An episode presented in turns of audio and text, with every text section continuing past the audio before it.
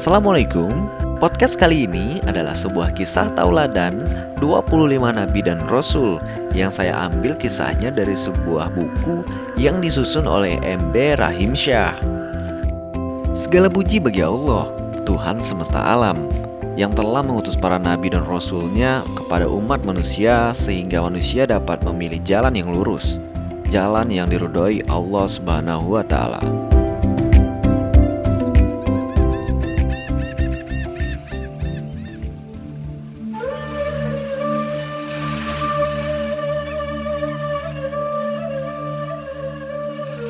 Episode pertama, kisah Nabi Adam alaihissalam.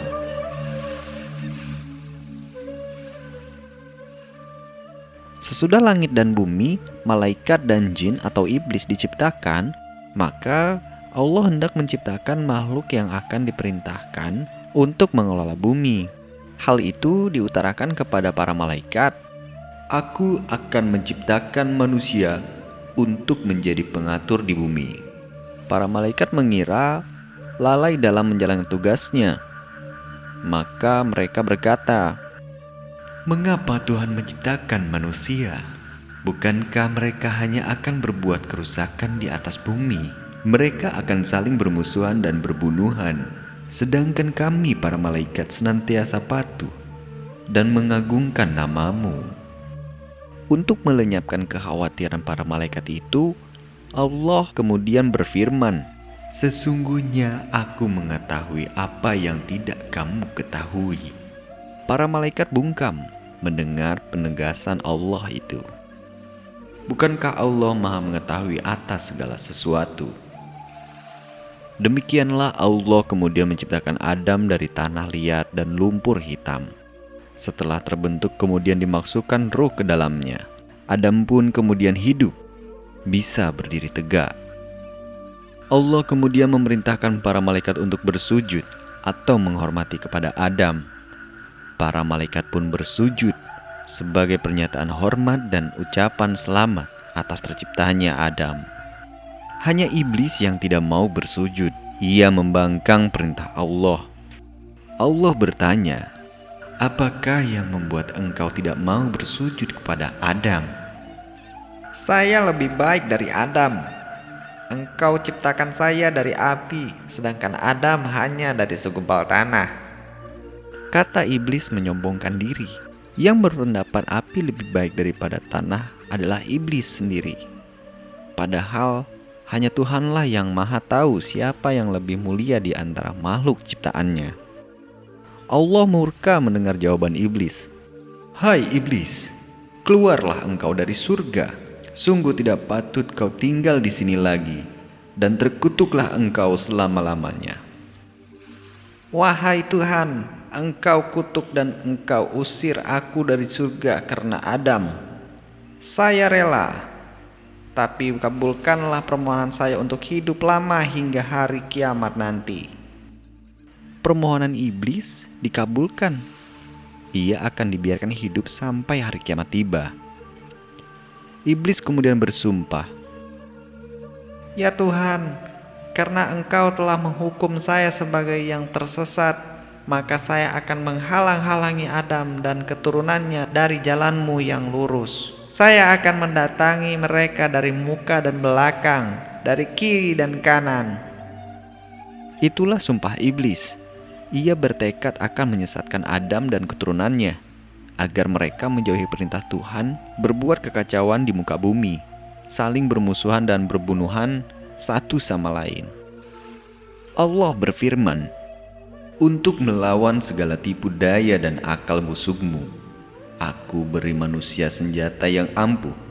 Dengan akal itu, aku bimbing mereka dengan petunjuk-petunjuk agama. Aku tuntun mereka ke jalan yang benar. Dengan akal itu, manusia akan mampu membedakan mana yang benar, mana yang salah. Siapa yang tidak menggunakan akalnya, tentu dapat kau sesatkan. Mereka yang sesat itu akan mempertanggungjawabkan perbuatannya kepadaku di hari kemudian.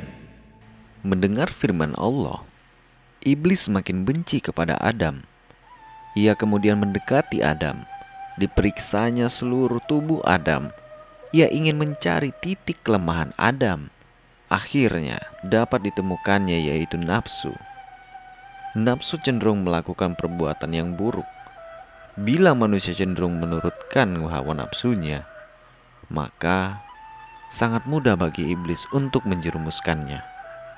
Allah kemudian mengajarkan kepada Adam nama-nama benda yang dilihatnya. Dengan demikian, Adam mengetahui nama-nama benda yang ada di muka bumi.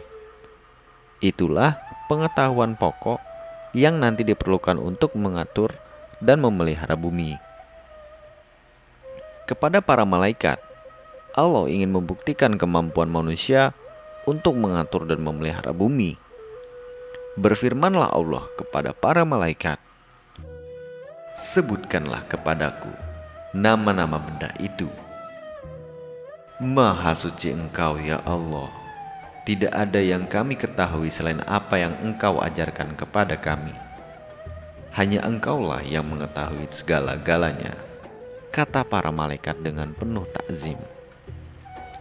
Hai Adam, beritahukanlah kepada mereka nama benda-benda itu, firman Allah. Adam kemudian menyebutkan nama benda-benda yang diketahuinya. Para malaikat kagum. Mereka memberi hormat sehormat-hormatnya. Bukankah sudah kukatakan, Aku mengetahui rahasia langit dan bumi. Aku lebih mengetahui apa yang tidak kamu ketahui. Firman Allah kepada para malaikat.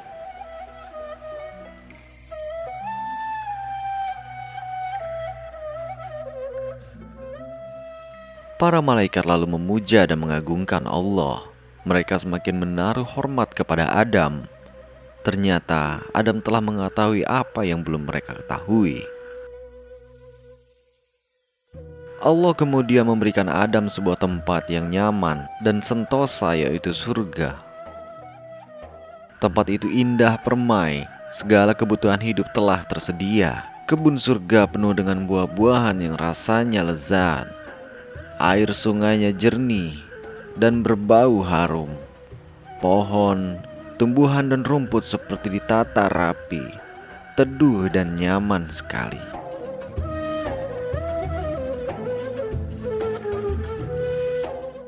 Sebenarnya tempat itu sangat menyenangkan. Adam berkeliling menjelajahi kebun-kebun dan taman-taman, tapi ia merasa kesepian karena tidak mempunyai kawan.